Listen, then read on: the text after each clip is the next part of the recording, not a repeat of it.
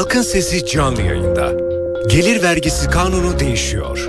Yeni kanunla birlikte birçok uygulamada köklü değişikliğe gidiliyor. Peki neler gidiyor, neler geliyor? Halkın Sesi'nde bugün bu soruya yanıt aranıyor. Görüşleriniz ve sorularınız için NTV Radyo Halkın Sesi telefon numarası 0212 335 47 20. Elektronik posta adresi halkinsesi@ntv.com.tr. Halkın Sesi. NTV Radyo İstanbul stüdyolarında halkın sesiyle bir kez daha sizlerle birlikteyiz efendim. Gelir vergisi kanunu değişiyor. Değişiyor da nasıl değişiyor? Doğrusu pek de bilen yok. Birine sorarsanız başka türlü değişiyor. Birine sorarsanız başka türlü değişiyor. Öbürsüne sorarsanız hiç değişmiyor. Biz de bu işi pek anlamadık ama köşe yazarlarınıza bakarsanız değişik şekillerde değişiyor. Ama hükümete bakarsanız pek de değişen bir şey yok. Aslında e, madem öyle biz de konuşmayalım bu konuyu demek en doğrusu ama İnat ettik konuşacağız. Gelir vergisi kanunu nasıl değişecek? Bunu bugün bulmaya çalışacağız. Daha doğrusu ipuçlarını bulmaya çalışacağız. Ve yayın boyunca konuğumuz Bugün Gazetesi yazarı ve yeminli mali müşahir Sayın İsmail Gökbulut olacak. Sayın Gökbulut iyi günler efendim. Teşekkür ederim. İyi günler, iyi yayınlar. Çok teşekkür ederim efendim. Hem temenniniz için hem de bizimle birlikte olduğunuz için sağ olun. Efendim e, dediğim gibi doğrusu e, ciddi bir kafa karıştıran mesele var.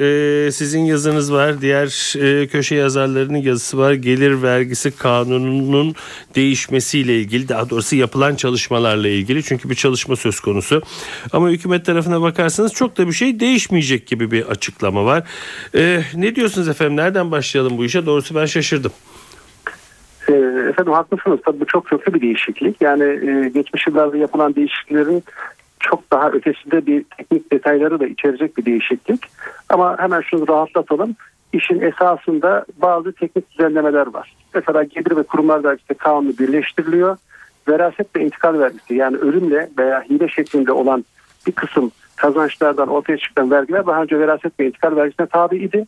Bu yeni kanun tasarısına göre hepsini gelir vergisi adı altında bir tek çatı altında toplama operasyonu veya düzenlemesi olarak düşünebiliriz. Hı hı. Tabii her vergi kanunu değişikliği ister istemez vatandaşta, mükellefte, çalışanda, gelir elde edende bir ilave vergi e, beklentisi ortaya çıkarır.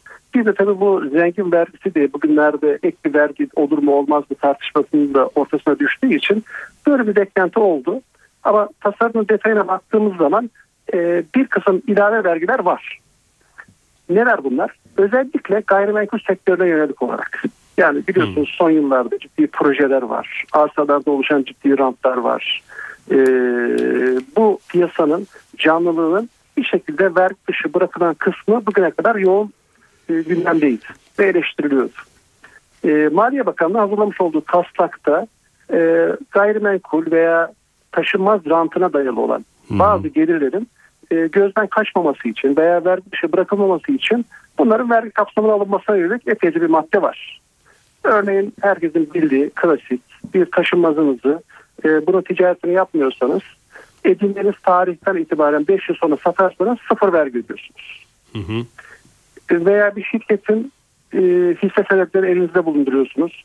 Bunu 2 yıl sonra bir anonim şirketin hisse senedini elden çıkarıyorsunuz. İsterseniz %1 milyon para kazanın herhangi bir vergisi yoktu. Hmm. Bu yeni kanuna göre bunlar aşamalı olarak mesela e, aktifte e, veya uftenizde bir gayrimenkulünüz var, bir daireniz var. E, bunu iki yıldan fazla üç yıl elinizde tuttunuz. Buradan elde ettiğiniz gelirin yüzde sekseni vergiye tabi olacak. Hmm. Üç yıldan fazla tuttunuz yüzde kırkı. Dört yıldan fazla tuttunuz yüzde altmışı. Beş yıldan fazla tuttunuz yüzde sekseni istisna geri kalan kısmı vergiye tabi. Dolayısıyla bu inşaat sektöründe canlanmasıyla beraber gündeme gelen işte kat karşılığı inşaat sözleşmeleri, hasılat paylaşımı sözleşmeleri veya e, memuriyet yapılırken veya bir işletme çalışırken gayrimenkul alım satımı birden fazla gibi kısımlar bugüne kadar hep vergi dışı bırakılıyordu. Bunlar için ilave bir vergi getirdiğini söylemek mümkün. Ama onun dışında genel olarak ticaret erbabına e, veya serbest çalışana veya ücretliye ilişkin çok ekstra bir vergi getirdiğini söylemek mümkün değil. Peki bu e, söylediğiniz gayrimenkullere yönelik e, değişiklikler e, bazı sektörlerde gerilemeye yol açar mı? Ne dersiniz? Veya sektörler arasında bir değişikliğe veya halkın başka sektörlere teveccüh etmesine ne dersiniz? Doğal olarak çünkü bizde e, taşınmaz, gayrimenkul, e, tapuyla ifade edilen şeyler genelde bir yatırım aracı olarak hı hı. göz önünde bulunduruluyordu. Bunun da en önemli sahiplerinden biri, tercihlerinden biri de vergisiz olması. Hı hı. Yani siz e, kazandığınız, biriktirdiğiniz parayla herhangi bir yerde bir arsa, arazi alıyorsunuz. E, bunu 5 yıldan fazla üzerinize tuttuğunuz zaman 6. yılda istediğiniz rakama satın. İsterseniz %1 milyon para kazanın. Herhangi bir vergiye tabi değildi. E şimdi vergiye tabi olunca tabii kişilerin tercihleri etkileyebilir. Nedir bu? Belki bu para borsaya kayabilir. Nereye kayabilir? Hı hı. Belki e, faize kayabilir. Mesela geçenlerde yapılan düzenlemede biliyorsunuz faiz oranlarında faizlerde alınan vergiler indirime gidildi. Hı. Yani hep vergi artışından bahsediliyor ama bazı alanlarda da indirimler var. Sizin e, eğer bankada yatırdığınız mevduata ilişkin vade süreniz 6 ay ise %15. 6 ayda bir senesi ise %12 bir yıldan uzun vadeli mevduat e, hesabı açtırdıysanız yüzde on. Yani ciddi bir vergi indirimi var. Dolayısıyla ne olacak? Şimdi gayrimenkul sektöründe alım satımda ortaya çıkan bir vergi yükü azalan sektöre kayabilir. Yani hmm. insanların tercihi konusunda bir değişiklik yapması zaten vergi değişikliklerinin beklenen bir sonucudur. Hmm. Dolayısıyla burada böyle bir kayma bekleniyor. Diğer bir düzenleme tabii çok enteresan. Ee, bu işin devamlı süreçte yapılıp yapılmayacağı çok belli değildi. Yani gayrimenkul işini kim profesyonel yapıyor, kim ticaretini yapıyor, kim yapmıyor. Daha önceki mevcut kanununda bir belirleme yoktu. Örneğin siz vatandaşsınız. Hı hı. Oturduğunuz evi beğenmiyorsunuz. Size ufak geliyor. Sattınız. Ee, yenisini konut olmak kaydıyla bir yıl içinde alırsanız herhangi bir şekilde ticari kazançtan söz edilmiyor. Alım evet. dolayı. Ama yılda ikiden fazla yaparsanız bu işi yani ben beğenmedim bir daha yaptım. Hı hı. yıl içerisinde e, eşiniz beğenmedi yeni taşındığınız yere dedi ki mutfağı küçük veya ne bileyim yatak odası çok kullanışlı değil. İkinci bir daire alım satımı yaparsanız bu sefer siz hangi işi yaparsanız yapın gayrimenkul ticareti yapıyorsunuz anlamına geliyor yeni hmm. kanunda. Dolayısıyla e, sayın dinleyicilerimiz de bu konuda uyarmak lazım. Bu kanun eğer çıkarsa tasar halinde olan kanun çıkarsa e, eskiden çok rahat taşınmaz alım satımı yapan kişilerin ileride bir vergi sorunu yaşamaması için mutlaka dikkat etmesi gerekiyor ve bu işi eğer artık e, sayı itibariyle periyodik hale getirdiyse mutlaka bir ticari kazanç olarak mükellefiyet tesis ettirmesi gerekir. Hı hı. Anlıyorum efendim. E, bu arada e, dinleyicilerimizden de e, eğer yeni e, gelir vergisi tasarısında neler var neler yok neler gelebilir e, bununla ilgili soruları varsa e, e, Sayın Gökbulut'ta bulmuşken yanıtlarını alabiliriz. Bize telefon edebilirler. Yeni gelir vergisinde akıllarına takınan bir şeyler veya e, e, sormak istedikleri bir şeyler varsa Sayın Gökbulut e, lütfedip bunları da yanıtlayabilir. Telefonları da bekliyoruz. Biz de konuşmaya devam edelim. Bu arada e, tabii en önemli şey de e, Şükrü Hoca'nın yazdığı bir yazıdan çıkarak aslında e, evet, bayağı evet. bir ortalık e, karıştı diyebiliriz. O e, eşlere, çocuklara, annelere, babalara verilen paralar işte alınan hediyelerin de e, vergiye tabi olacağı şeklinde e, bir evet. yazısı var hocanın bugün. E, nereden çıktığını evet. bilmiyorum tabii. E, bu konuda hoca kadar e, bilgili olabilmek mümkün de değil. E, bununla, bununla ilgili e, ne dersiniz efendim? Gerçi yani, buna karşın bir açıklama geldi ama. Kamuoyunu çok aydınlatan bir kişi. Hı hı. Ee, burada tabii daha önce veraset intikal vergisi diye bir kanun var. Evet. Kanun uygulanmakta. Bu nedir? Ee, bir yakınınız, anne babanız veya yakınınız öldüğü zaman size miras yoluyla geçen var. Bir de bağış yöntemiyle. Yani hı hı. hayattayken çocuğunuza bir daire bağışlayabilirsiniz. Bunlardan dolayı ödenen verginin adı veraset intikal vergisi. Bu size intikal ettiği tarihte e, belli kriterleri var. O intikal eden değerleri tespitine yönelik. Diyelim size 1 milyon lira bir mal, para, hmm. taşınmaz intikal etti. Belli bir kısmı istisnadır. Geri kalanı %10'dan başlayan bir tarifiye sokuluyor. Bu yeni tasarıda veraset ve intikal vergisi kanunu kaldırılıyor. Toptan. Anladım.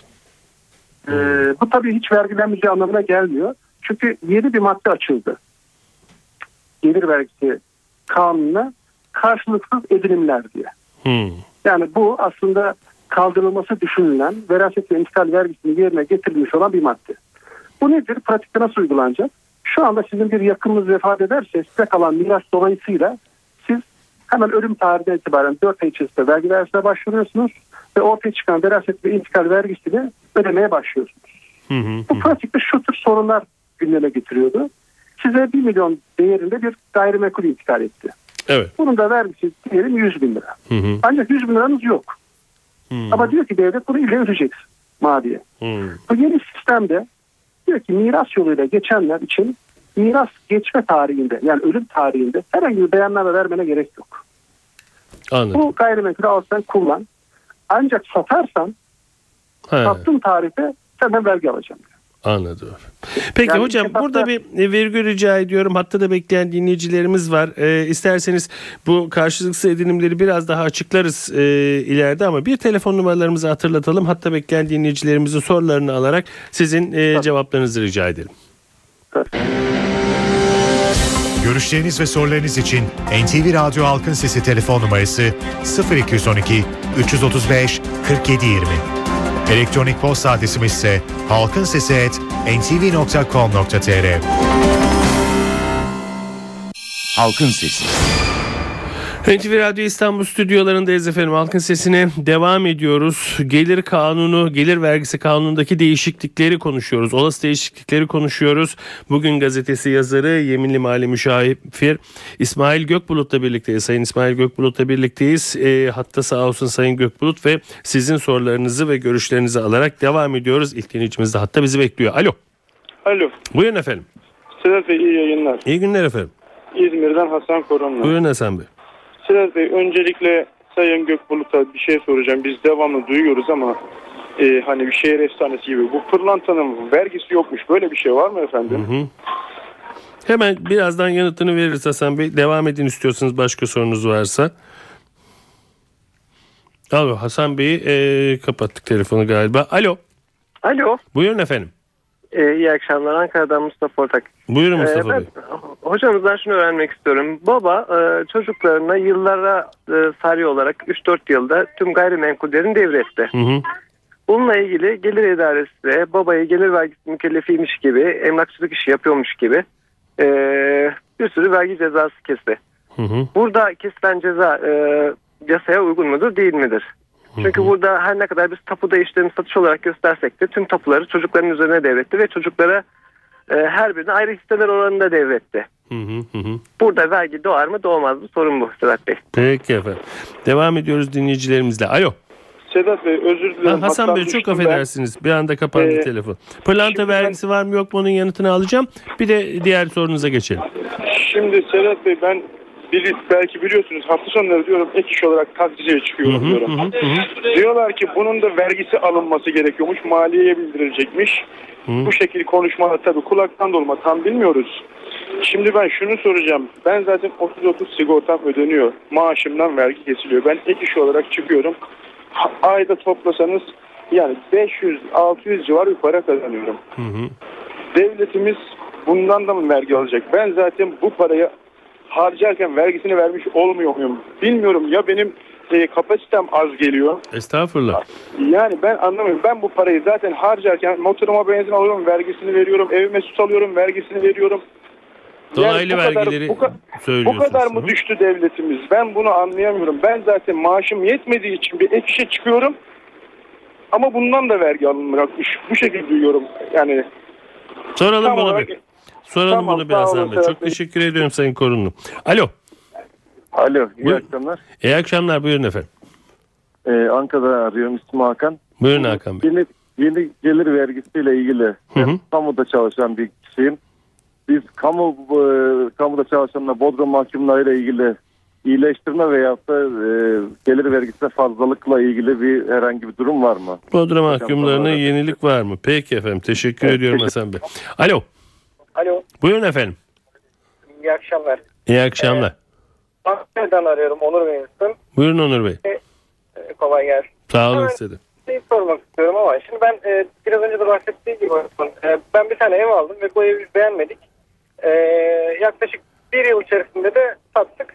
Başka bir ev aldık. Hı hı. Ama satarken şunu fark ettik. Biz, bizim aldığımız e, müteahhit bize dedi ki bütün tapu masraflarını ben karşılayacağım. Hı hı. Ve orada bizim evimizin satış bedelini çok küçük miktarda göstermiş. Evet. Yani yaklaşık arada benim satışımla aldığım e, ve tapuda görürken rakam arasında 100 bin lira bir fark var. Ama biz bunu tabii satarken fark ettik. Hı hı. Ve biz krediyle sattık bunu. Bu arada bir vergi oluşacak mı bana? Hı. Onu sormak istiyorum. Bir de bir sorum daha var. Ee, kendi evimi ben e, normal aldığım bedel karşılığında abime satacağım. Yani aynı kişi. E, onda bir vergi oluşacak mı? Onu soracak. Hı hı, Satacağım vergi vereceğim. Peki teşekkür ediyorum Onur Bey. Ee, Sayın Gökbulut e, başlayalım yanıtları isterseniz. Hasan P- Pırlanta'nın vergisi var mı yok mu merak ediyor e, dinleyicimiz. Pırlantanın e, vergisi var ama katma değer vergisi yok. Şöyle izah edelim.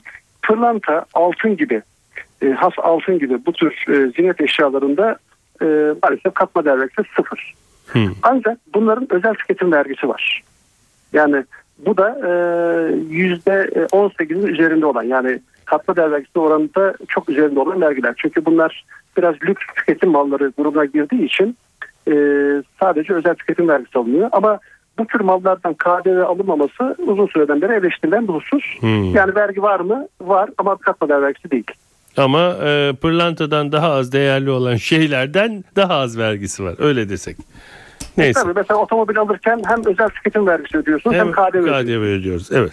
Peki Yani pırlanta mı daha zenginlik göstergesi araba mı? Ee, Anladım tabii efendim. ki pırlanta daha önemli bir zenginlik göstergesi. Bunun da vardır bir nedeni diyelim. E, geçelim. Peki e, Sayın Korunlu e, hafta sonu e, e, şoförlük yapıyor bir taksite. Bundan da e, kazandığının vergisini verecek mi? Nasıl verecek? Öte yandan aslında e, sigortasını ödüyor, vergisini veriyor. E, ne dersiniz? Evet. Şimdi e, bu tür taksicilik, pazarcılık, işportacılık gibi işlerde basit usulde vergileme diye veya götürü vergileme diye bir usulümüz var vergi kanunlarında. Hı hı. E, bunlar tabii profesyonel olarak yapılıp yapılmadığı veya arizi olarak yapılıp yapılmadığına göre vergiye tabi olup olmaması önemli. Eğer bunu alışkanlık haline getirdiyse ve bu ileride tespit edilirse bu kişinin tabii basit usulde e, onun marjları düşüktür. Yani siz istediğiniz rakamı kazanmış olabilirsiniz ama o ilde belirlenmiş olan bir taksiciler için öngörülmüş olan bir yıllık kazanç tutarı var. Hı. E, bu tutar üzerinden bir vergi ödemeniz gerekir. Bunu bir işveren adına yapıyorsanız ki muhtemelen bunu soran arkadaşın taksisi kendine ait değil bir başkası adına işlem yapıyor. Öyle olsa gerek. Evet o kişi bu arkadaşa para öderken e, yüzde yirmi oranında bir stabaj yapması lazım. Yani 100 lira kazanıyorsa onun 80 lirasını arkadaşa verecek 20 lirasını da onun adına devlete yatırması lazım. Ancak bu çok uygulanan bir şey değil. Bu konuda ciddi bir boşluk da var. Yani e, tespit edilirse ve arkadaş bunu sürekli olarak yaptığı ispatlanırsa e, korkarım basit usulde veya götürü usul diyebileceğimiz usulde vergilenmesi kaçınılmaz olabilir. E, Anladım. bir diğer arkadaş babası 3-4 yılda gayrimenkullerini Evet. e, Çocuklarına devrediyor, devrediyor. vergi cezası çıkıyor. Ee, şimdi çocuklarına devrin iki yöntemi var. Biri bağış hayattayken ölürse zaten veraseten e, Tabii. vergiye tabi ya da satış yöntemi. Ee, baba hayattayken çocuklarına satış gösteriyor. Şimdi 3-4 yıl içerisinde süreklilik kazandıysa yani bu gayrimenkul adedi çok fazlaysa e, babaya bu işin ticaretini yapıyor mantığıyla vergi cezası gelebilir. Hı. Yani orada çünkü tatlı kişinin oğlu olması veya akrabası olup olmaması çok önemli değil. Ee, süreklilik kazanmasından dolayı artık taşıma ticareti Peki Sayın Gökbulut şunu soracağım çok özür dilerim. Ee, Tamam. baba öldükten sonra bu çocuklarına devrolduğunda vergi var mı? var. Veraset ve Veraset intikal. intikal vergisi var. Ha o vergi var anladım. Tabii tabii veraset intikal vergisi var. Yani Ee, o vergiyi sağken devrediyorsa sağken de alıyorlar. E tabii tabii Hı hı. bir noktada öyle. Böyle bakmak lazım. Tabii yani o biraz da belki ondan kaçınmak için de yapılmış olabilir şimdi sebebini bilmiyoruz ama Hı. hayattayken de ölünce de bir intikal varsa bir vergi sisteminde bir şey var. Bir tane olursa belki dikkat çekmez ama e, süreklilik arz ediyorsa yani 4-5 tane gayrimenkul bu şekilde devrediyorsanız bir belli ki bu işin artık şeyi var. Yani bir devir olayı var demektir. Yani malın var mı ve bunda birine devrediyorsan vereceksin parasını bu çocuğun bile olsa. Evet malın var mı e, derdin de var Derdim verdin de var. mantığıyla. Evet. Ya biz ne kadar rahat insanlarız böyle gördüğümüz gibi. Çenemize vurmuş konuşuyoruz bir şeyimiz yok. Ee, Hakan Peki. Bey İstanbul'dan arayan e, beyefendi e, bordro mahkumlarına bir Evet. şey var mı? Evet. Ee, çok olumlu şeyler söyleyemiyoruz çünkü e, kanun değişse de mevcut halde de maalesef toplanan vergilerin önemli bir kısmı ücretlerden kesilen vergilerden oluşuyor. Hmm. Dolayısıyla dün Maliye Bakanımız Sayın Mehmet Şimşek de açıklamada bulundu. Bütçemiz geçen sene e, ciddi bir rakamda açık verdi. Geçmiş yıllara oranla düşük olmasına rağmen. Dolayısıyla ana kalemde bir e, düşüklük veya ücretlerde bir vergi indirimi düşünülmüyor. Ama şu var. E, asgari geçim indirimi Hmm. olarak adlandırdığımız ve genelde asgari ücret gibi vergi e, esasına dayalı sistemlerde asgari ücrette çok fazla bir vergi çıkmıyor. Niye? Eşine, kendisine ve çocuklarına gidip asgari geçim indirimi uyguladığı zaman çok fazla bir şey çıkıyor ama bu zaten e, yeni bir şey değil. Eskiden beri uygulanıyor. Bu Anladım. yeni kanunda da zaten bu sistem devam ediliyor. Peki Onur Bey'in ev aldı bir yıl içinde sattı. Müteahhit tapu harçlarını Evet, göstermek evet, için evet. e, devam ediyor. Şimdi e, düşük gösterilmesi aslında alıcı için bir risk. İlk Hmm. etapta çok hoşumuza gitmekle beraber kaldı ki burada harcı karşı taraf ödüyor ama biz ödesek de burada biraz ilk etapta tapu harcını düşük ödüyoruz diye bir e, karımız varmış gibi düşünebiliriz. Ama aynı gayrimenkulü eğer 5 yıl içinde satarsak o maliyetle yani satın alma bedeliyle satış bedeli arasındaki farkın vergiye tabi tutulması lazım. Bu da %15'ten başlayıp %35'e kadar giden bir tarifeye tabi. Dolayısıyla siz aslında 200 bin liraya aldığınız daireyi veya taşınmazı 100 bin lira gösterdiyseniz ilk etapta düşük gösterdiğiniz 100 bin lira için %2 tap harcını düşük ödüyorsunuz. Ancak ileride siz bunu 250 bin liraya satarsanız 5 yıl içerisinde Evet. maliyetiniz de 100 bin lira. Satış bedeliniz de 250 bin lira. 150 bin liranın vergisini ödemek zorunda kalacaksınız. Oysa sizin kazandığınız para 50 bin lira. Halkın Sesi. NTV Radyo İstanbul stüdyolarındayız efendim. Halkın sesine devam ediyoruz. Gelir vergisi kanunundaki değişiklikleri konuşuyoruz. Ne gibi değişiklikler olması düşünülüyor daha doğrusu. Onlarla ilgili e, sorularınızı bekliyoruz. E, bugün gazetesi yazarı Yeminli Mali Müşavir Sayın İsmail Gökbulut hattımızda. Sayın Gökbulut bir kez daha teşekkür ediyorum bizimle birlikte olduğunuz için. E, Teşekkür ederim. E, ve dinleyici görüşlerine geçeceğiz. Arkadaşlarım telefonları bağlıyorlar. Anca tabii yavaş yavaş hareket ediyorlar onlar. Hani onlar genç çünkü bir yerden bir yere gitmeleri epey bir vakit alıyor. Biz o sırada Evet. telefon numaralarımızı bir de hatırlatalım diyordum ki bağladılar. İlk dinleyicimiz hattı bizi bekliyor. Alo. Alo. Buyurun efendim. İyi günler Ferhat Bey nasılsınız? Sağ olun efendim sizi duyduk daha iyi olduk. Buyurun. Ee, şimdi ben e, doktor olarak çalışıyorum. Kiminle görüşüyoruz efendim? Efendim? Hakan Güven Bursa. Heh, buyurun Hakan Bey. Aha, özel bir hastanede çalışıyorum ve bu özel hastanede çalışırken bir şirket kurmanız gerekiyor. O şirket sanki e, hastaneye hizmet veriyormuş gibi ona faturalanıyor. Hmm, Bütün, aldığınız e, parayı karşılığında makbuz kesiyorsunuz. Evet. Ve bu, bu şey e, şirket hesabına yaz- yatıyor. Hı hı. E, limite şirketim var. Tek başıma oraya hesap yapıyorum. Ben oradan diyelim örneğin e, ay, yılda 100 bin lira para e, girişi var. Hı. Bunun 35 bin lirasını vergi olarak veriyorum. Geriye 60-65 bin lira para kalıyor diyelim. Hı hı. Ben vergilendirilmiş olan, vergisi verilmiş yani tamamen bana kalmış olan paradan arabamı alırken, benzin alırken, ekmek alırken, su alırken, işte olduğumun okul parasını öderken O başka, ne o başka. Bir daha vergi veriyorum zaten. Veriyorsunuz Yani tabii. ver, vergiden arındırılmış olan kazandığım paramdan tekrar bir şey alırken tekrar vergi veriyor, veriyorum. Hı hı. Şimdi e, ne yaparsanız yapın ekstra bir şekilde vergi çıkıyor. Ve o kadar karışık bir sistem ki mesela ben yine kendi şirketimden harcama yaparken kendime havale yapamıyorum. Tabii. Yapamazsınız doğru. Ama başka türlüsü de olmuyor bunun. Verginin verdiğim paramı harcayamıyorum anlıyor musunuz? Tabii o para o para orada gözükmek zorunda çünkü. Hayır gözükmek zorunda fakat kendi paramı da harcayamıyorum. Yani apartman aidatımı veremiyorum. Evet. Ne bileyim işte yani ne yapacaksam kendimle ilgili yaşamsal faaliyet. Yani sizin kazandığınız ve şirketin kasasına koyduğunuz para orada duruyor ama siz aidatınızı ödeyemiyorsunuz dediğiniz Evet gibi. o tabii insan var ben yani. Evet doğru söylüyorsunuz. Fakat beni insan olarak görmüyor. Para olarak göre ben bunu değerlendiremiyorum. Ve yine kazandığım parayı harcarken yine ben vergi veriyorum. Evet. Yani bunu hiç böyle e, evirmeden çevirmeden bu devlet, hükümet artık her neyse biz bir üretim yapamıyoruz. Bizim herhangi bir kazancımız yok. Bizim herhangi bir madenimiz yok. Petrolümüz yok. Limanlarımızdan işte kazanamıyoruz. Varlıklarımızın hepsini sattık. Paramız yok. Sizden para istiyoruz desinler. Bunu belki anlayacağız ama böyle denmiyor. Biz zaten çok zenginiz de diyorlar. Her şeyimiz yolunda, her şey yerinde. Fakat e, iş bir memur zammına gelince, vermeye gelince yok oluyor. Bu o açıklanması Bu, bu nasıl bir iş? şey. Bu nasıl bir iş soralım diyorsunuz Hakan Bey. Peki çok teşekkür ediyorum Doktor Bey. Kolay gelsin. Alo. Sedat Bey merhaba, iyi akşamlar. İyi akşamlar efendim buyurun. İzmir'den Saadettin Dumlu ben. Buyurun efendim. Ben de konuşmacımıza şeyi soracağım. Ee, evimizde çalıştırdığımız insanlar, işte bakıcı olsun, temizlikçi olsun, herhangi bir kuruma bağlı değilse Hı hı. veya bir akrabamız, yakınımız ise Hı hı. ona verdiğimiz paradan nasıl bir vergi ödeyeceğiz? Hmm, güzel. Peki güzel bir soru Servet. Teşekkür ederim efendim. Ee, telefon bağlayacak mısınız bana arkadaşlar? Evet. Alo. İyi günler. Bir canlı yayına bağlanıp soru sormak istiyordum da. Bir konuda Ee, bir- bağlandınız efendim acil olarak. Buyurun. Öyle mi? Evet. Kiminle görüşüyoruz? Ee, Ankara'dan Muhit. Buyurun Muhit Bey. Ee, bizim bir şirketimiz var. Şirketimizin aktifinde de bir taşınmaz var. Bu taşınmazı sattığımız zaman e, şu an taşınmaz satış kazançları istisnası söz konusu. Yeni kanunla birlikte bunun şartlarının zorlaştırılacağı söyleniyor. Bu doğru mu? Eğer doğruysa satış hemen yapacağız. Peki doğru mudur değil midir? Soralım efendim. Ee, telefon yok galiba. Yok. Peki e, dönelim o zaman Sayın Gökbulut. Sayın Gökbulut buyurun efendim. Evet bu Hakan Bey'in sorusundan başlayalım. Özel bir hastanede çalışıyor. Kazanırken para, harcarken para, dururken para.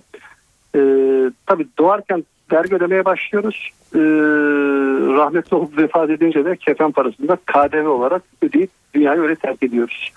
Ee, burada şöyle bir denge var tabii. Dolaylı ve doğrudan vergiler diye ikili bir ayrım var.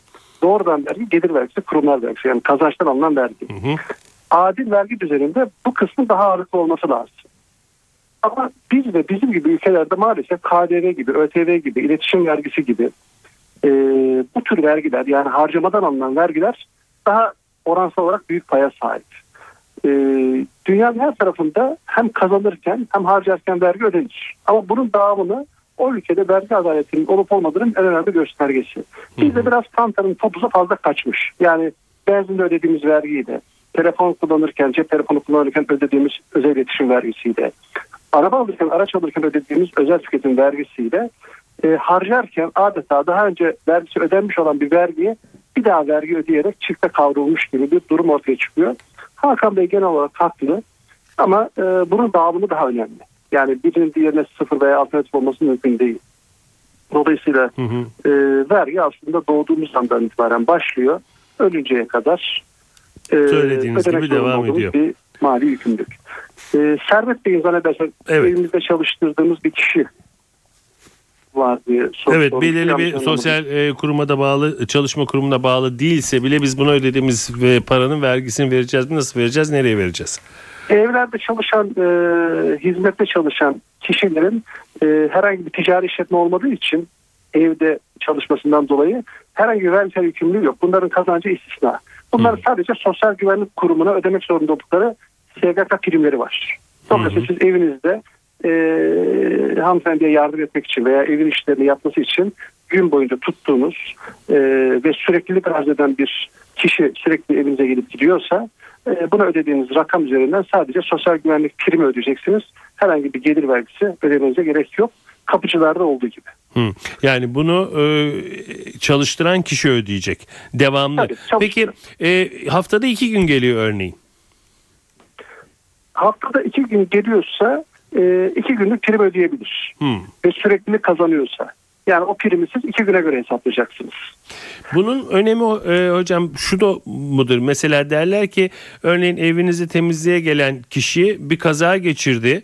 E, Allah korusun. Sorumlusu siz olursunuz eğer bunun sigortası yoksa. Doğru mudur böyle bir şey? Evet tam da o sebepten dolayı efendim. Doğru söylediniz. Hmm, anladım. Doğru söylediniz. Peki bir sorumuz Muhit daha Bey'in vardı. Evet Muhit var. Bey'in. Tabii şirketlerin sermaye yapılarını güçlendirmek için elinde bir gayrimenkulü var. Hı hı. Ne zaman almış? 10 yıl önce almış.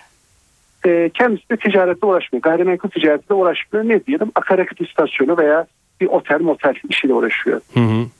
Bunların aktifine kayıtlı ve atıl durumda duran gayrimenkullerin satışından doğan bir ciddi bir vergi ortaya çıkıyor. Niye? Ülkemizde ciddi bir enflasyon olduğu dönemler yaşadık. zamanında sizin 1 milyona aldığınız bir arsa bugün 50 milyon TL yapabilir. Dolayısıyla 49 milyon lira bir para kazanmış gibi bir durum ortaya çıkıyor. Diyor ki kanun siz buradan doğan kazancınızı sermaye ilave etmek koşuluyla şirket dışına asla çıkaramıyorsunuz. Hı hı. Kazancınızı sermaye ilave etmek koşuluyla buradan elde ettiğiniz kazancın %75'ini istisna tutuyor. Evet. Bu yeni kanunda derecelendirilmiş durumda. Yani siz 2 yıl tutarsanız farklı bir oran istisna, 3 yıl tutarsanız farklı bir oran, 4 yıl tutarsanız farklı bir oran, 5 yıldan fazla tutarsanız da %80'i istisna olacak şekilde yeni bir düzenlemeye gidiliyor. Peki. Dolayısıyla bu mevcut haliyle olmamakla beraber kanunun ana mantığı korunmuş durumda. Diğer bir teşvik bu tür gayrimenkul veya taşınmaz satışlarında KDV de yok. Yani iki yıldan fazla siz eğer şirket aktifinde asıl durumda kalan bir gayrimenkulün satışını yaparsanız bunlarda KDV de yok. Dolayısıyla Peki. bu esas itibariyle korumakla beraber e, oransal olarak bazı rakamlar değişti. Peki hocam bir dinleyicimiz daha var e, bekleyen onu da alalım son olarak. Alo. Alo. Buyurun efendim. Ee, efendim iyi akşamlar diliyorum. İyi akşamlar buyurun. Ee, İstanbul'dan e, Çetin efendim. Buyurun Çetin Bey. Ee, efendim sorum şu. Ee, e, 30 sene evvel aldığım 30 sene evvel aldığım bir gayrimenkulü hı hı. işte kat malikleri birleşerek e, işte kat karşılığı Hı hı. E, yenilemek istiyoruz. Hı hı. E, yenilenince tabii 30 sene evvelki fiyatla e, eğer satmak istersem yenilendikten sonra oluşacak fiyat arasındaki fark e, acaba nasıl bir sonuç doğuracak vergi açısından? Anladım efendim. Peki teşekkür ederim Çetin Bey. Hocam buyurun. Ee, şimdi Çetin Bey aslında çok önemli bir konuya temas etti. Bu yeni kanunda buna ilişkin düzenlemeler var. Eğer siz aktivite kayıt veya e, sahip olduğunuz bir arsayı, araziyi kat karşılığı veya hasat paylaşımı şeklinde eğer bir müteahhite verirseniz kendinize düşen hisseyi, daireleri satmanız koşuluyla bir ticari kazanç elde ettiniz diye madde var. Hmm. Dolayısıyla Çetin Bey'in sorusunu şöyle cevaplamak gerekiyor. 30 sene önce bir kat şey aldınız daire eskidi. Kat karşılığı olarak orada emsal yükseldi. Diyelim 10 dairede oturan kişiler 20 müteahhite verdiler. Kat karşılığı anlaştılar. Buradan 20 daire çıkıyor. 10 daire eski malikler olarak tekrar aldınız. Herkes eski yerde geçti. Yani herkes dairesinde oturuyor. Bu da hmm. vergi yok. Hmm. Ancak bu elde edilen 10 tane dairede insanlar oturmayıp da satarak bir gelir elde ediyorsa bu yeni kanuna göre bu vergiye tabi. Verginin matrahı da şu olacak. Müteahhite verdiğiniz tarihteki o arsa bedelinin bir emsal bedeli var. Yani piyasa rayiç bedeli dediğimiz şey. Evet. Ne kadar?